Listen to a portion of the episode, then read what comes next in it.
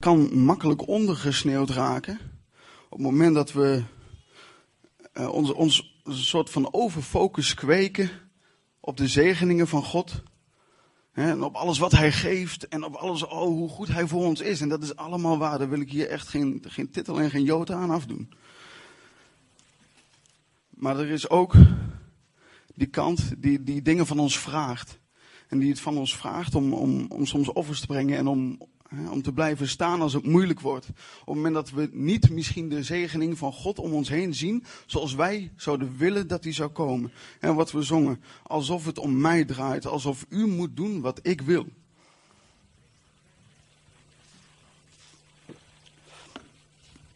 Ik uh, wil jullie vragen om aan mij op te slaan, Marcus 8.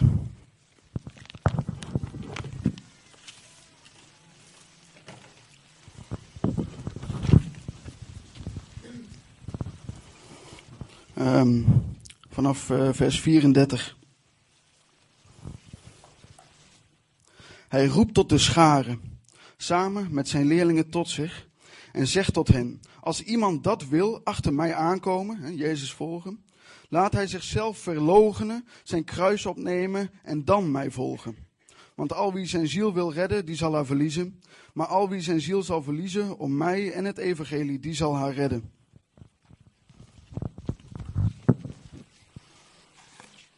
Ik heb hier een klein lijstje met namen. En daar zou je duizenden en honderdduizenden aan toe kunnen voegen door de eeuwen wie dat gedaan hebben. Johannes de Doper, onthoofd. Simon Petrus, ondersteboven gekruisigd. Simons broer Andreas, gespreid gekruisigd. Jacobus, de broer van Johannes, gedood met het zwaard. Matthäus, gedood met een hellebaard. Filippus, dood gemarteld. Bartholomeus, dood gegezeld. Thomas, doorboord met een speer. Jacobus, gestenigd en doodgeknuppeld. Judas, niet Iscariot, gekruisigd. Simon de Zeloot, gekruisigd. Matthias, gestenigd en onthoofd. En Paulus, onthoofd. Hoe gaan wij dit rijmen? Met een God waarvan wij soms krachtig uitspreken, hij zal alles ten goede doen meewerken. En hij staat niet in eeuwigheid, tot in eeuwigheid niet toe dat zijn rechtvaardigen wankelen. En bid tot God en u zal gegeven worden. Vraag alles wat u wil. Nou, laat me je een klein geheimpje verklappen. Niet alles in de Bijbel rijmt met elkaar. Dat hoeft niet met elkaar te rijmen te zijn. Maar het is wel allemaal onderdeel van één en hetzelfde lied. Je moet alleen kijken in welk couplet zit ik. Of zit ik in het refrein? Nou, dit is evengoed onderdeel van die gloriezang op God. En op het moment dat wij denken dat dit soort dingen ons, ons bespaard zullen blijven, ja, dan, dan loop je een risico om heel snel in de eerste plaats teleurgesteld te raken. Heb ik het nog niet eens op, op je geloof, over je geloof kwijtraken, dan heb ik het nog niet eens over echt niet meer weten waar je staat. Maar teleurgesteld raken in de eerste plaats. En, maar dat is vaak wel een wortel die verder kan schieten. Een tijd geleden kocht ik, uh, kocht ik dit boek. En dat is, het zijn samengestelde overdenkingen van Kai Munk. Ik weet niet wie van jullie Kai Munk kent. Dat was een Deense dominee. Uh, die nogal bekendheid heeft, uh, heeft verworven in de eerste helft van deze eeuw. En hij schrijft het volgende. Zich overgeven aan Jezus en Hem volgen betekent allerminst dat men het nu goed krijgt. Het betekent dat uw geweten gescherpt wordt en geprikkeld. Het betekent dat uw schouders dagelijks gebukt gaan onder de last van het tweede grote gebod. Het betekent dat ge Gods heerlijkheid aanschouwt en dat juist daardoor het duister der aarde en het duister in uw eigen, bewust leven, in, uw eigen leven bewust wordt. En het wordt bewust als één grote hopeloze nacht. Maar juist die hopeloosheid verplicht tot hoop, verplicht tot strijd, opdat de hoop zich vervullen.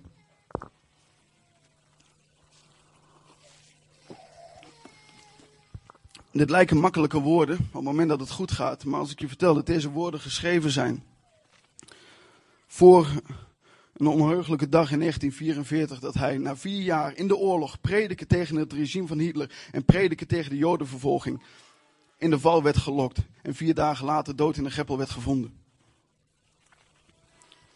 Het zijn geen loze woorden en mogen het ook nooit worden. En begrijp me niet verkeerd, ik ga hier geen preek houden over vervolging en over, uh, en over uh, gedood worden om Jezus wil, over verdrukking. Maar het roept bij mij wel vragen op. Het roept bij mij de vraag op, hoe ver ben ik bereid te gaan? En wat staat het in de weg dat ik, zoveel, dat ik zo ver zou willen gaan?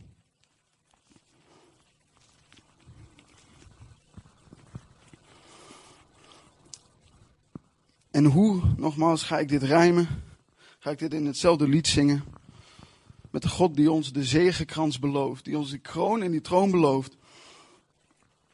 Nou, een van de grappige dingen die ik tegenkwam toen ik, toen ik aan het voorbereiden was, is dat het Griekse woord voor kroon is Stefanos. Waar kennen we die naam toch van? Bij sommigen van jullie begint er nu misschien een lampje te branden, anderen die misschien die geschiedenis niet kennen. Stefanus was de eerste martelaar naar Jezus Christus. En het meest bijzondere van zijn verhaal vind ik, behalve de reden die hij eerst afsteekt als getuigenis voor zijn geloof, is dat hij op het moment dat hij gestenigd wordt, precies dezelfde woorden uitspreekt als wie Jezus uitsprak toen hij aan het kruis ging. Hij verandert alleen het woord vader in Jezus. Hij zegt, Jezus ontvang mijn geest. En vallend op zijn knieën je kunt het nalezen in Handelingen 7 aan het eind. En vallend op zijn knieën zegt hij: Vader, of Heer, reken hun deze overtreding niet toe. Wat mij dat laat zien, is dat daar niet Stefanus, ja natuurlijk wel, maar niet Stefanus zozeer zijn leven laat, maar die Stefanus door wie het hart van Jezus is gaan spreken.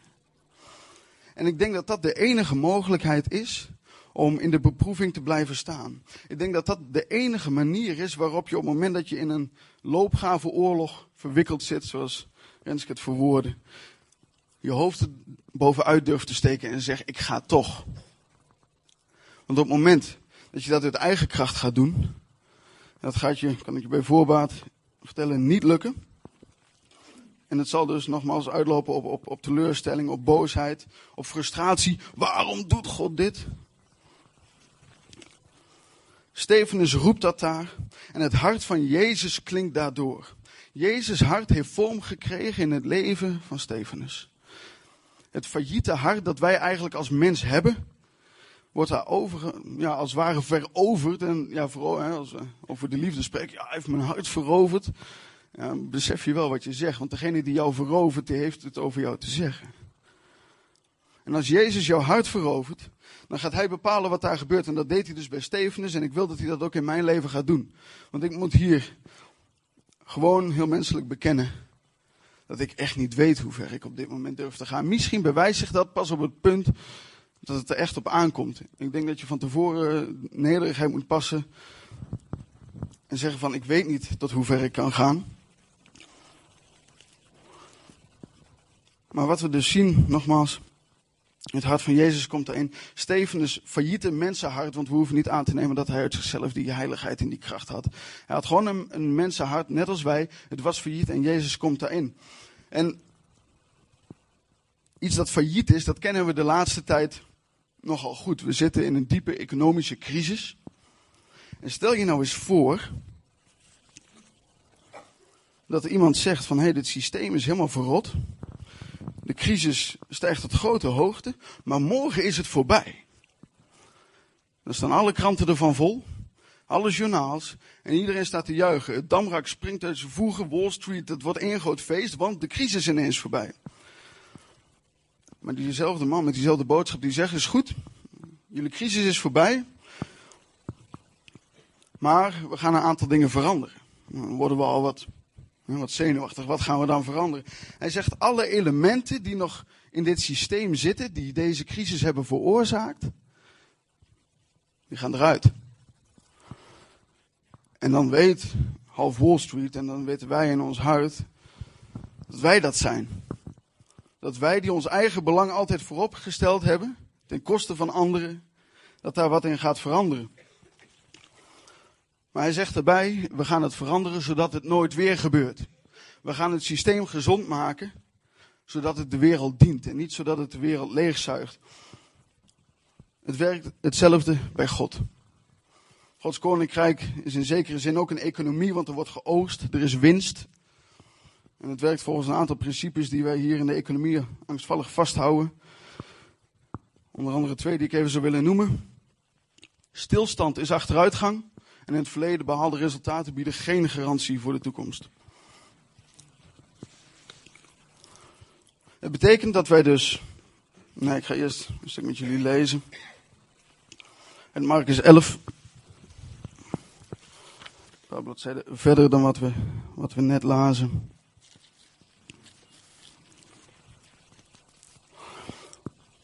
Eerst vanaf vers 7. En ik lees dit stuk om te laten zien hoe systemen veranderd worden. Het systeem, ja. Oh, je moet uh, voorlezen, ja. Uh, eerst 7 tot 11 en dan sla ik een paar versen over en dan ga ik verder vanaf vers 15 tot 17. 11. Ze brengen het veulen bij Jezus. En Jezus is, uh, komt de stad binnen. En werpen hun klederen eroverheen. Dan gaat hij erop zitten. Velen spreiden hun klederen uit op de weg en andere groene takken. Die ze van de akkers kappen. En de aanvoerders en, en die volgden hebben geschreeuwd: Hosanna, gezegend hij die komt in de naam van de Heer. Gezegend het koninkrijk dat komt van onze vader David. Hosanna in de hoge. Zo komt hij Jeruzalem binnen. Als Jezus ons leven binnenkomt, dan halen we hem met bazuingeschal binnen. Dan hebben we het idee, nu gaan we het doen. Het gaat gebeuren, mijn leven gaat veranderen. Ik ga van hopeloosheid naar hoop. En het gaat beter worden.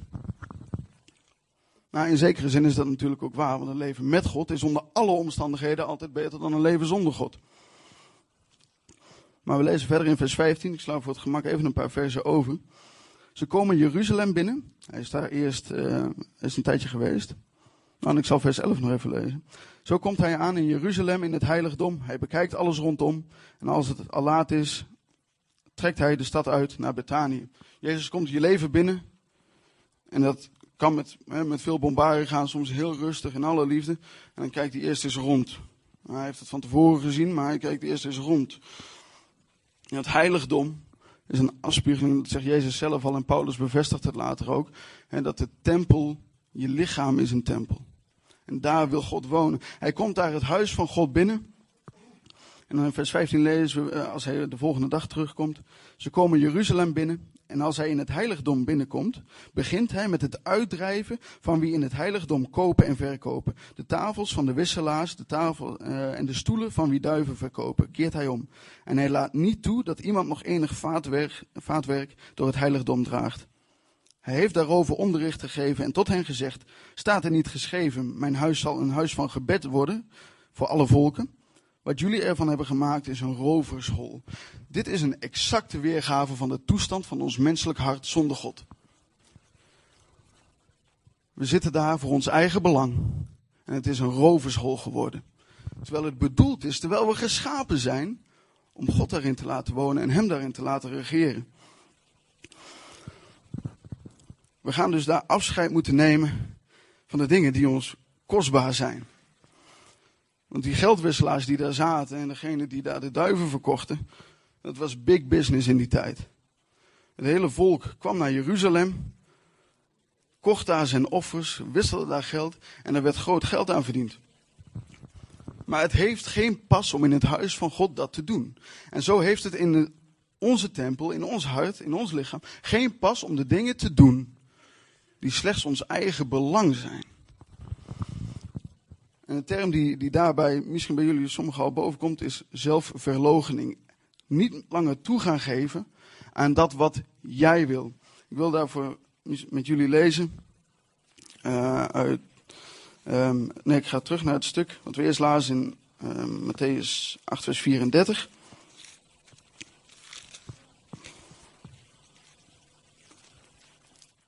Als iemand dat wil, achter mij komen, laat hij zichzelf verloochenen, zijn kruis opnemen en dan mij volgen. Dat klinkt niet aantrekkelijk, jezelf verloochenen. Zelfs al weet je amper wat het woord betekent. En dat was bij mij een beetje het geval. Ik had er wel een idee van, jezelf verloochenen. Ja, dat, is in ieder geval niet ten bate van jezelf. Hè? Zoveel begreep ik wel. Maar het, ja, het klinkt wat oud-Hollands. En ja, je hoort het wel eens zo nu en dan. Maar wat het nou echt betekent, dat, het, drong in ieder geval niet ten diepste tot mij door. En toen las ik op een gegeven moment de Engelse vertaling. En toen, toen begon er bij mij een lampje te branden. Er staat zoveel als, als iemand achter mij aan wil komen. He has to deny himself. Ik denk, hé, maar dat woord begrijp ik. Mijzelf ontkennen. Maar ja, hoe ga ik mezelf nou ontkennen? Wat houdt dat praktisch in? En als je het woord in het Grieks opzoekt, dan staat er zowel als in mijn steenkolen Grieks apareneomai. En dat heeft de lading van ontkennen dat je ook nog maar iets uh, ook nog maar iets met iets of iemand te maken hebt. Of dat je de belangen van deze ofgene ook nog maar langer zult behartigen. Een totale breuk met degene met wie je zegt, die, die, die verlogen ik, die wijs ik af. En een van de eerste, uh, of een van de plekken in de Bijbel waar we, waar we doorkrijgen wat dat echt betekent, is wanneer Petrus Jezus verlogent. Op het moment dat hij dat doet, terwijl hij gezegd heeft, ik zal het nooit doen. Hij doet het wel. En er ontstaat een breuk tussen hem en Jezus. Hij wordt niet langer op dat moment tot de discipelen gerekend. Pas nadat hij zich daarvan bekeerd heeft. Dat hij het beleden heeft. Dat Jezus tot drie keer toe aan hem vraagt. Petrus, hou je van mij? En dan wordt hij er weer bij. En dan wordt uiteindelijk de woordvoerder van de apostelen. En een krachtig man gods. Maar je ziet dat de breuk radicaal is op het moment dat je iemand verlogent. En op het moment dat wij radicaal met onszelf breken, de, de Willibrod vertaling geeft dat als een van de weinige Nederlandse vertalingen ook op die manier weer. Hè, die moet met zichzelf breken, staat daar. Dan merk je, eh, dan merk je dat het, het, het volgen van Jezus op gespannen voet staat. Met leven voor jezelf en, en met je eigen belang. Je zegt iedere keer tegen die persoon die jij bent en die jouw verlangens wil, die, die jouw verlangens nog koestert, zeg, hé, hey, je bestaat niet meer voor mij, weg ermee. En dat heeft het volgende tot gevolg, ik wil met jullie opslaan, Colossense 3, vanaf vers 2. Zint op de dingen van boven, niet op de dingen op de aarde. Ja.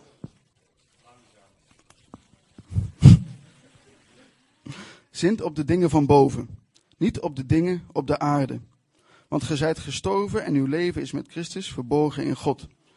Wanneer Christus verschijnt, uh, wanneer de Christus verschijnt ons leven, dan, zullen ook, uh, dan zult ook gij met hem verschijnen in heerlijkheid.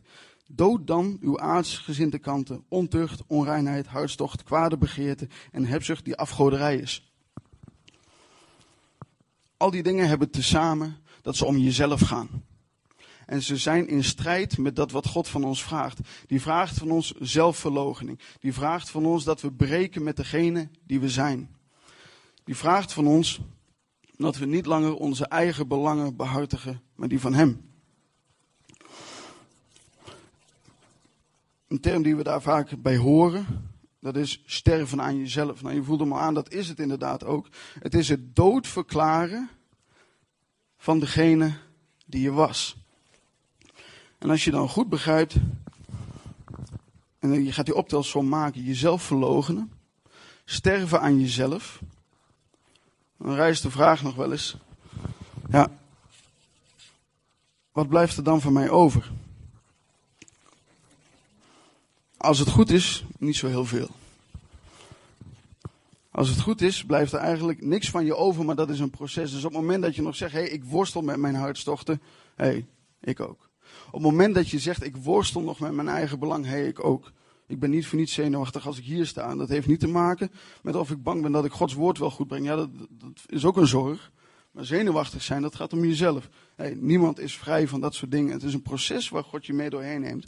Maar hij vraagt je wel om het te doen. Er vindt daar een confrontatie plaats tussen jouw belang en Gods belang. Een confrontatie letterlijk tussen jou en Jezus. En op het moment dat wij het evangelie verstaan als iets waar ik mee begon, van oh, God zal alles ten goede doen meewerken. hij is bij machten dat te doen. Hè, kleine nuance. Alles zal goed komen dan raken we dus in die, in die teleurstelling. En we gaan het dan ook niet meer begrijpen wat dat daadwerkelijk betekent, dat sterven aan onszelf. En ik las laatst een interview van uh, theoloog Bram van der Beek in, uh, in CV Koers. En hij zegt daarover het volgende. Juist christenen moeten leven in het besef van de crisis van deze wereld, de mensheid en hun eigen leven. Dat besef is in het Nieuwe Testament sterk aanwezig. Kijk bijvoorbeeld naar de doop. En dat is sterven aan jezelf en opstaan in Christus. Dus niet opstaan als een beter mens, maar alleen in Christus. Dat betekent voortdurend nee zeggen tegen jezelf. En op het moment dat wij het, het leven met God instappen in de veronderstelling dat Hij alles voor ons gaat doen, dat Hij onze wensen gaat vervullen, dan gaan we dit soort dingen niet begrijpen. En zullen we dus die standvastigheid um, niet, niet behouden. En zullen we uiteindelijk die kroon misschien zelfs, en dat klinkt misschien hard, maar wel niet krijgen. Want het gaat erom, hou je tot het eindstand. Niet alleen in de mooie dagen, maar wat doe je in de slechte dagen?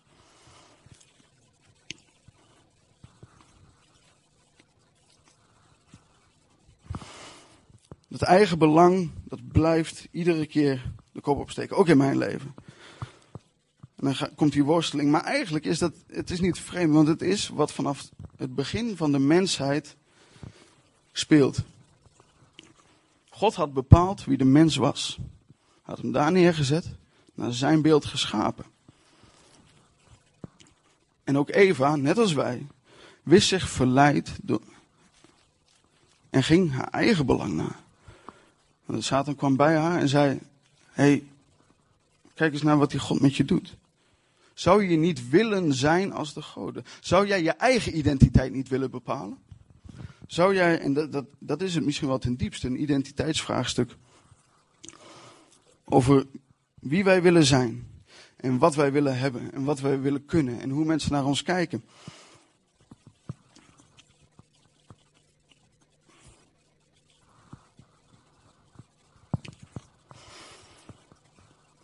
En als ik mij besef hoe ik soms bang ben over hoe anderen naar mij kijken. Als ik mij druk ga maken. Dan, dan, dan, vraag ik me af, hoe, hoe sterk ben ik nou eigenlijk? Mag God zeggen wie ik ben en durf ik daar dan op te vertrouwen? Ik, ik, geef toe, ik vind dat moeilijk. Ik besef mij dat, dat nu ook weer, sorry voor de kleine zijstraat. Maar wat blijft er van mij over op het moment dat ik dat uit handen ga geven? Een van de mensen die dat het meest krachtig heeft voorgeleefd, nog voor Jezus offer, is voor mij Johannes de Doper. Die met één simpele zin eigenlijk dit hele woord samenvat. Hij moet meer worden en ik minder. En dat is pijnlijk voor onze ziel, die op zoek is naar bevestiging van mensen, misschien ook wel van God, en dat op, de, op een rare manier mensen moeten vinden. Maar hij moet meer worden en ik moet minder worden. En dat woord wat hij daar gebruikt, of in ieder geval hè, zoals het in het Grieks weergegeven is, dat is elato. En het heeft drie dekkingen, om het zo, of het dekt drie zaken. Minder worden op het gebied van waardigheid, minder, minder worden op het gebied van autoriteit en populariteit. Je waardigheid, wat staat er tegenover de schande? Oké, dus als ik minder wil worden, in mijn eigen waardigheid. In die zin dat ik de echte waardigheid die ik heb teruggevonden. Dan moet ik bereid zijn de schande te dragen. En we zongen het al op een gegeven moment. Een, uh, het werd ook voorgelezen uit Hebreeën. Ik wil niet, sorry voor de microfoon. Niet Hebreeën 1, of niet Hebreeën 12 vers 1 voorlezen, maar Hebreeën 12 vers 2. Laat ons daarbij alleen gericht zijn op Jezus, de leidsman en voleinder des geloofs die om de vreugde welke voor hem lag, het kruis op zich genomen heeft, de schande niet achtende en gezeten is ter rechter, ter rechterzijde van de troon Gods. Hij heeft de schande niet geacht. Zijn wij daar ook toe bereid om de schande niet te achten? Want het is onvermijdelijk dat die gaat komen. Ja, God doet grote beloften en de oogst hè, is wit. En we kunnen een grote oogst binnenhalen. Maar er zullen ook mensen zijn die ons zullen beschimpen om deze rechtvaardige zaak. Weet je wat Jezus daarvan zegt? Zalig zijt ge. Zijn wij daartoe bereid? Om in het aanzien van mensen zo klein te worden. Dat ze bereid zijn met onze dingen te doen waar ik mee begon. Onthoofden, kruisigen. Een tijdje geleden stuurde Chris Karels aan een aantal mensen een filmpje rond. En het heeft mij van binnen zo ontzettend aangegrepen te zien hoe onze broers en zussen op de Filipijnen, in India, in Indonesië, in Afrika vervolgd worden. Omdat ze Jezus beleiden. Dat kennen wij hier helemaal niet. En daarom durf ik daar ook niet over te spreken. Ik durf geen preek te houden over wat het betekent om vervolgd te worden. Ik durf hier alleen maar de vraag te stellen, zou ik daartoe bereid zijn? En wat staat het in de weg? Als je ziet wat er met die mensen gedaan wordt, als je de aantallen hoort van martelaren die er ieder jaar bij komen. Het gaat om 100.000 plus. Iedere minuut van de dag, gemiddeld genomen, iedere drie minuten één. Ik weet niet hoe lang ik hier nou sta te praten, maar reken maar uit. Hoeveel er dat zijn. En wat gebeurt er op het moment dat ze hier de kerk binnen zouden komen? En zeggen, wijs je Jezus af? Dan kun je gaan. Wijs je Jezus niet af, dan gaan de dingen met je gebeuren waarin je ergste, ergste nachtmerrie nog niet, nog niet voor is gekomen. Nogmaals, ik durf die vraag dus niet met ja te beantwoorden. Ik hoop alleen maar dat het zo zal zijn. Ben ik bereid die schande te gaan, die schande te dragen? Als we kijken op het gebied van autoriteit, wat dus ook dat minder worden inhoudt, dan is de vraag wie heeft het voor het zeggen in jouw leven? Dat is eigenlijk de vraag waar we ook mee begonnen. Hè? Welk belang wordt er gediend? Welk belang dien jij? Heeft God het voor het zeggen gekregen in jouw leven? Of is daar nog steeds die oude mens die zegt, nee, maar ik dan? Wat blijft er van mij over? Dus ook daar zijn de woorden van Johannes van belang. Minder worden en niet de waarde aan hechten die, waarvan je dat altijd gedaan hebt. De populariteit, wiens fan ben je? Zijn die fans van Jezus? Wie verheerlijken wij? Jezus. Wie is daar nog wel eens mee in strijd? Willem. Hè? Dat we ons druk maken. Inderdaad, nogmaals, hoe mensen naar ons kijken. En dat we precies dat gaan doen, zodat mensen ons daar eigenlijk wel heel erg tof vinden, ook al zijn we christen. Ken je dat? Ja, laat ik nou vooral uh, over hele normale dingen gaan spreken. En uh, uh, doen alsof onze kerk gewoon heel cool is. Onze kerk heeft gewoon een ontzettend niet coole boodschap. Op het moment dat je hem niet aanneemt. En die confrontatie, die gaat er zijn. Die confrontatie hoeven wij ook niet voor die mensen leuk te vinden. dat was die voor mij ook niet toen ik Jezus niet, toen ik, Jezus, niet kende. Ik stootte mij ontzettend aan die boodschap. En dat is ook eigenlijk niet anders mogelijk. Dus die populariteit die kan ernstig dalen. En ben je bereid als minderwaardig gezien te worden? Nogmaals, dit is, of nogmaals, dit is geen verklaring van waardeloosheid. Alsof jij niks waard bent. Dat is niet alsof jij maar als een mak lam, zonder dat hij ook maar enigszins iets aan God zou mogen vragen, je naar de slagbank moet laten leiden ter wille van hem. Die slaafsheid, die zoekt hij niet van zijn kinderen. Hij vraagt wel om onbaatzuchtig die weg te gaan, maar vergeet niet, we zijn zijn kinderen. Hij neemt ons mee op die weg. En hij vraagt geen dingen van ons die wij niet kunnen dragen. Ik werk bij een paar oude mensen thuis en hoewel het vrouwtje niet eens zo heel ontzettend gelovig is, zegt ze altijd in de moeilijke periodes, ik krijg kracht naar kruis. Heer, dank u voor deze wijze woorden. Het is geen verklaring van waardeloosheid. Onthoud dat goed. Het is het tegenovergestelde. Het is teruggaan naar de waarde die wij van oorsprong hebben. De waarde die de mens had, eigenlijk zo gezegd, de glorie die de mens had in de Hof van Eden. Toen zij zich niet druk hoefden te maken over wie zij nou waren. Toen zij zich niet druk hoefden te maken over wat hun belang nou was in deze strijd. Zij waren daar neergezet door Elohim, Vader, Zoon, Heilige Geest. En die zei, laat ons mensen maken naar ons beeld. Zij hoefden zich niet druk te maken om hun eigen beeld of wat anderen van hen hadden. Nu waren ze maar met z'n tweeën, dus daar ben je ook snel uit, maar toch. We gaan terug naar die oorspronkelijke bedoeling van onze identiteit. En van, van ons imago. En misschien dat jullie nog wel kunnen herinneren dat Christian hier vorige week zei. Christian hier vorige week zei. Hey, wat ik nu ga vertellen heeft niks te maken met jullie karakter. Nou, dit heeft dus wel te maken met je karakter. Dit heeft te maken met hoe die gaven van de geest, waar Christian vorige week over sprak, hoe die een weg vinden in jouw leven. En daarvoor is een karakterverandering op den duur wel noodzakelijk. En dan moet je weten wat je identiteit is, wat je plek is en je daar niet al te veel zorgen meer over maken. Op het moment dat het erop aankomt.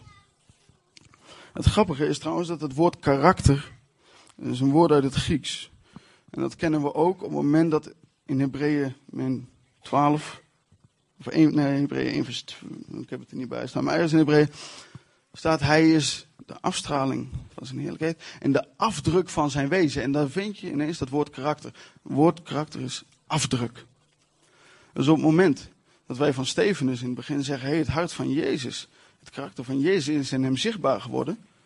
En ons karakter wordt op diezelfde manier gevormd. Dan zijn wij de afdruk van wie Jezus is. En Jezus ging ons voor in het gaan van die weg, in het gaan van de weg van vernedering.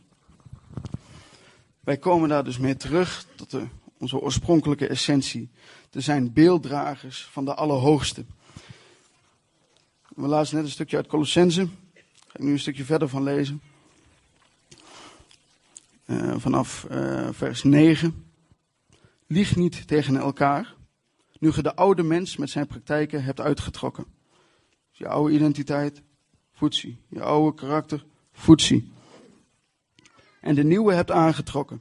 Die wordt vernieuwd tot hij herkenbaar is naar het beeld van wie hem heeft geschapen. Dus moet je je voorstellen dat je gaat van een identiteitscrisis. Want dat hebben heel veel mensen, laten we er eerlijk over zijn. Niet weten wie je nou echt bent in deze wereld. Niet zeker zijn van je positie hier. Omdat je die afmeet en afleest aan wat mensen van je vinden. Ga je, als je deze verandering doorgaat en jezelf durft te vernederen. En durft te zeggen, mijn eigen belang telt hier niet. Ga je het imago, het beeld, dat is het Latijn voor beeld, dragen van Jezus. Wie wil de identiteit van Jezus hebben? Wie is bereid de weg te gaan, ook al weet hij niet hoe die eruit ziet? Soms heb ik de neiging om mijn hand even zo te doen. Ik hou hem nu omhoog in geloof, omdat ik weet dat God mij de kracht geeft op het moment dat ik zeg, dit wil ik. De beginvraag was, hoe gaan we dit rijmen met elkaar? Dan zullen we het zingen in hetzelfde lied. Oké, God die zegent. De God die ons zelfs rijkdom kan geven. De God die ons vrijheid geeft. Die we zijn geroepen om vrij te zijn. Maar ook de God die van ons vraagt om ons kruis op te nemen. Onszelf te verlogen. Onze eigen belangen uit te schakelen. En alleen de belangen van onze broers en zussen en van de buitenwereld. En daarmee van Hem te dienen. Zelfs zover, misschien, dat je net als Paulus, Johannes, Jezus zelf, Johannes de Doper, Petrus en alle mensen, al onze broeders die vandaag weer voor hun geloof sterven, om die weg te gaan. En dan te durven zeggen met Filippenzen 1 vers 29, want het is de genade van God dat we niet alleen in Hem geloven, maar ook voor Hem mogen lijden. Snap je dat? Dat het bij de genade van God hoort dat we negatieve dingen voor ons zullen ervaren. Dat het ter ere van Hem is. Het besef dat alles wat je voor Hem doet, in alle nederigheid, in alle zelfverloochening, dat dat tot Zijn eer en glorie is. Laat dat dalen in je hart. En ik bid ook dat het voor mij is. Ik, ik ga, sta deze preek hier niet te houden voor de zoveelste keer, omdat ik het al lang doorleefd heb. Dit is gewoon actualiteit in mijn leven. En daarom voelde ik mij gedrongen dit te spreken. Omdat ik het mij afvraag of ik het kan. En ik wil jullie diezelfde vraag stellen.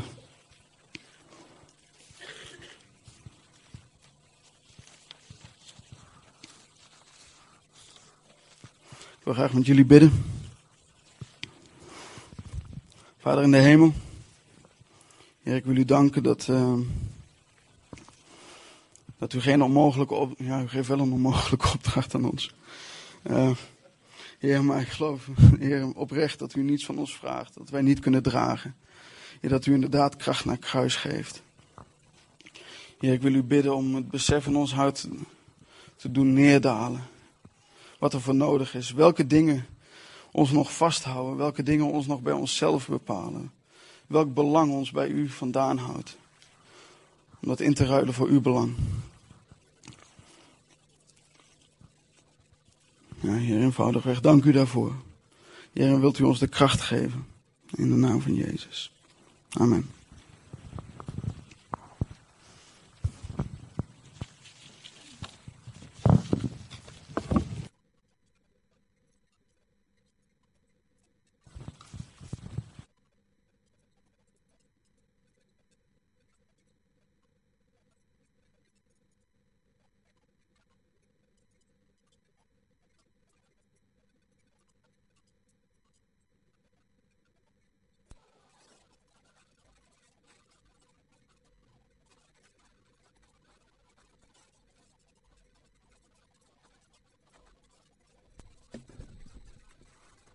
Het is goed om uh, dat gewoon nog even te beseffen, denk ik. Ook door het zingen van het lied wat we net hebben gezongen van Jezus redden van mijn ziel. Waarin ook gewoon staat van dat het niet om ons draait. En dat het Gods geschiedenis is met ons eigenlijk. En dat we mogen weten dat, uh, ja, dat als we volharden dat we die kroon en die troon zullen krijgen. Dat is 663.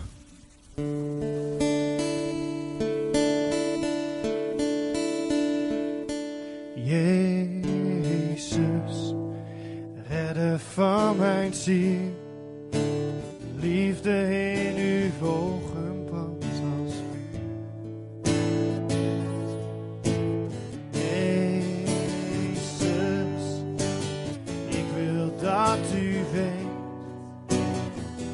dat ik u wil volgen ieder. Want geen mens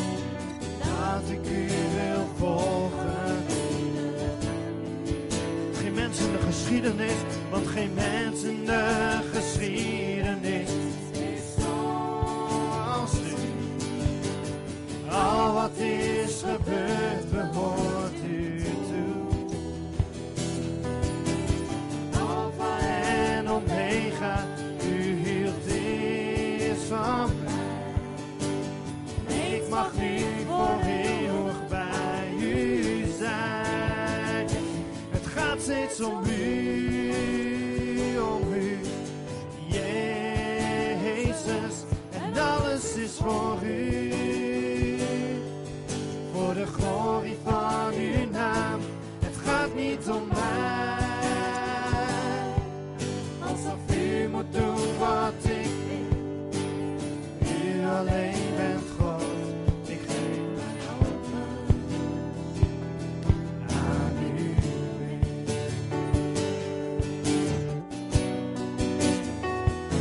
Het gaat steeds om u,